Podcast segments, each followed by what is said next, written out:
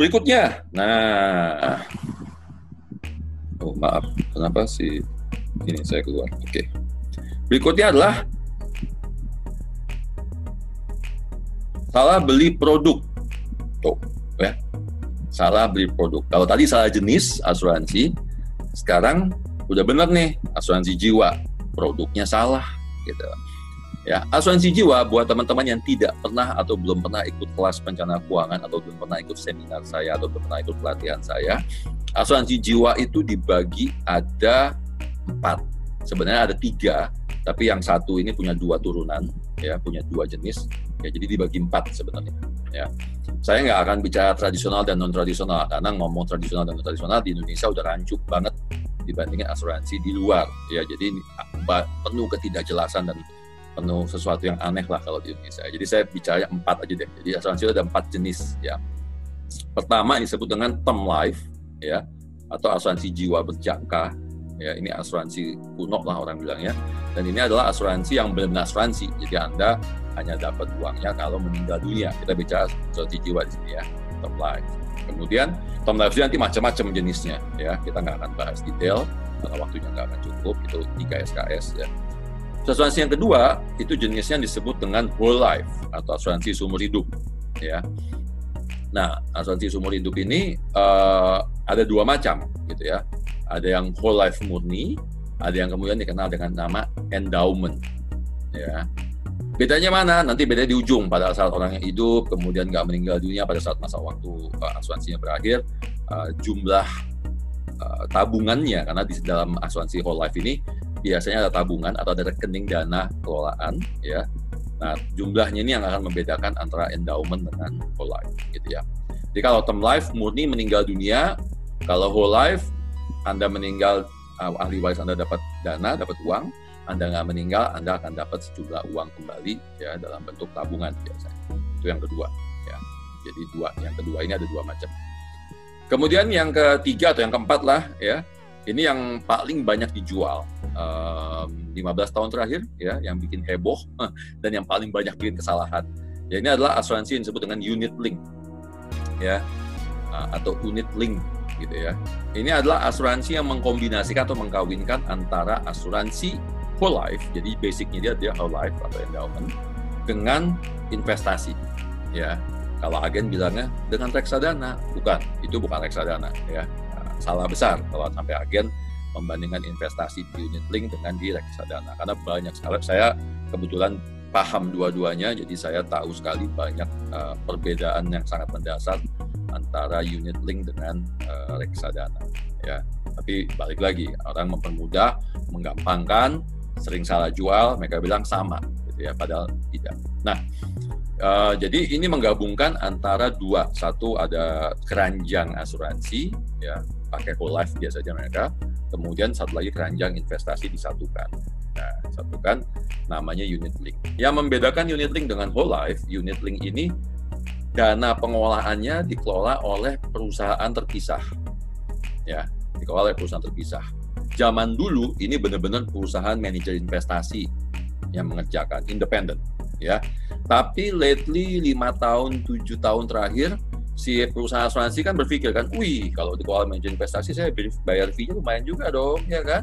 Daripada saya bayar fee-nya mahal-mahal, kenapa nggak gue bikin sendiri? Nah, akhirnya 10 tahun terakhir mulai munculanlah perusahaan manajer investasi yang uh, sahamnya atau pemilikannya dimiliki oleh induknya dari si perusahaan asuransi ini. Gitu ya, kita nggak usah sebut merek-merek, tapi udah banyak sekali yang terjadi di lapangan sekarang. Ada plus minusnya, gitu ya, ada plus minusnya um, harusnya plusnya itu harusnya secara biaya mereka lebih murah.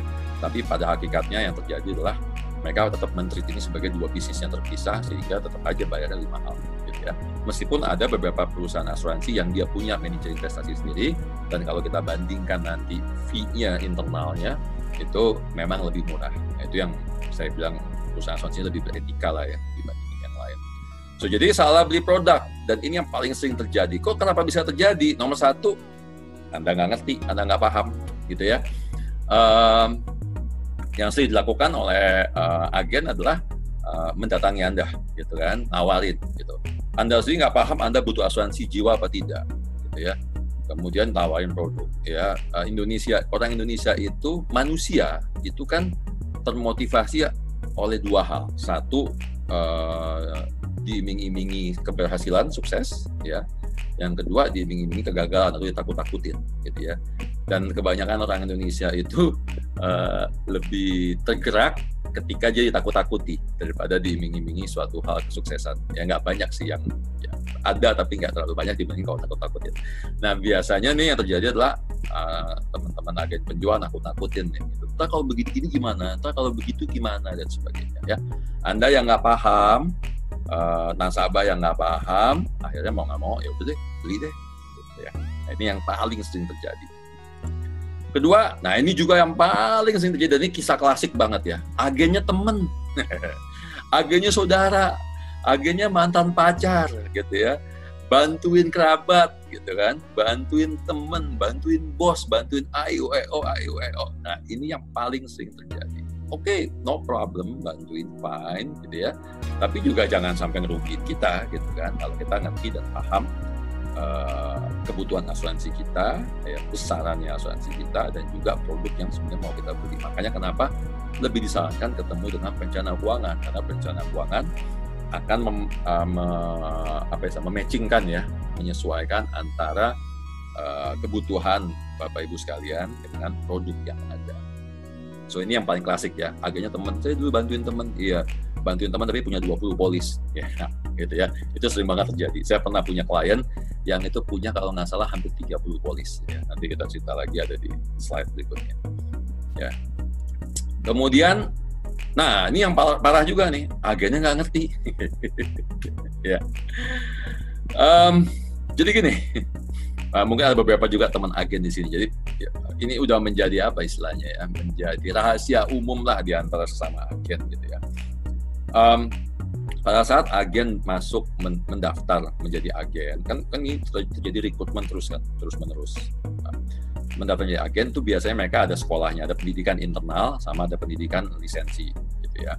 Nah, pendidikan internal ini zaman dulu ya, zaman saya masih kerja di korporasi lah di, di industri keuangan itu trainingnya itu bisa satu minggu bahkan bisa dua minggu bahkan ada ujiannya dan lain sebagainya lain sebagainya sebagainya gitu ya.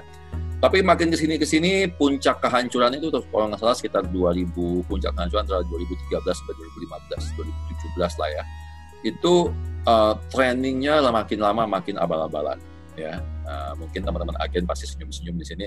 Ada yang training cuma sehari gitu ya. Ada yang training cuma dua hari gitu ya Nah, seharusnya yang saya katakan tadi bahwa asuransi itu punya empat produk, asuransi jiwa punya empat produk. Yang sering terjadi adalah mereka mentraining dua produk atau tiga produk ini sambil lalu aja. Karena fokus mereka adalah jualan unit link. Ya, kenapa jualan unit link jadi fokus? Fakta mengatakan bahwa uh, komisi dari unit link ini adalah yang paling besar. Satu, ya jadi ini mekanisme yang dilakukan oleh perusahaan asuransi nih, dia kasih komisi lebih besar untuk unit link, otomatis uh, orang pasti maunya jualnya komisi lebih besar dong, ya kan? Karena income lebih besar buat mereka. Kedua, biasanya perusahaan asuransi itu kan mereka punya setiap tahun tuh yang disebut dengan apa namanya uh, conference ya. Conference itu tidak lebih dari konferensinya setengah hari, sisanya jalan-jalan tiga hari biasanya gitu ya. Conference ngumpulnya cuma malamnya doang, uh, kasih bagi-bagi award gitu ya jalan-jalan ke luar negeri. Sisanya jalan-jalan tiga hari sampai lima ini sudah menjadi rahasia umum. Jadi intinya sebenarnya conference itu adalah buat agen asuransi jalan-jalan gitu ya ke luar negeri biasanya. Dan tempatnya tempat-tempat yang eksotik gitu ya. Dan mereka bisa mencapai ini dengan performance mereka dari penjualan. Dan biasanya yang masuk dalam perhitungan penjualan itu adalah penjualan unit link gitu ya penjualan unit link. Nah itu itu fantastik tuh.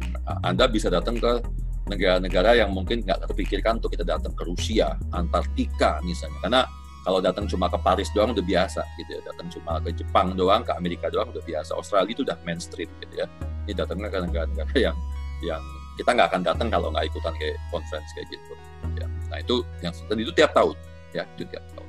So jadi yang sering terjadi adalah karena materi ini sering di skip istilahnya ya dan agen juga tidak menaruh perhatian dan mungkin leadernya juga tidak fokus ke sini sehingga agen lebih fokus untuk jualan si unit link. Jadi dia tidak uh, memahami, tidak mencoba mematching antara kebutuhan nasabah ya kemampuan nasabah, usianya dia dan lain sebagainya dengan produk yang dia jual.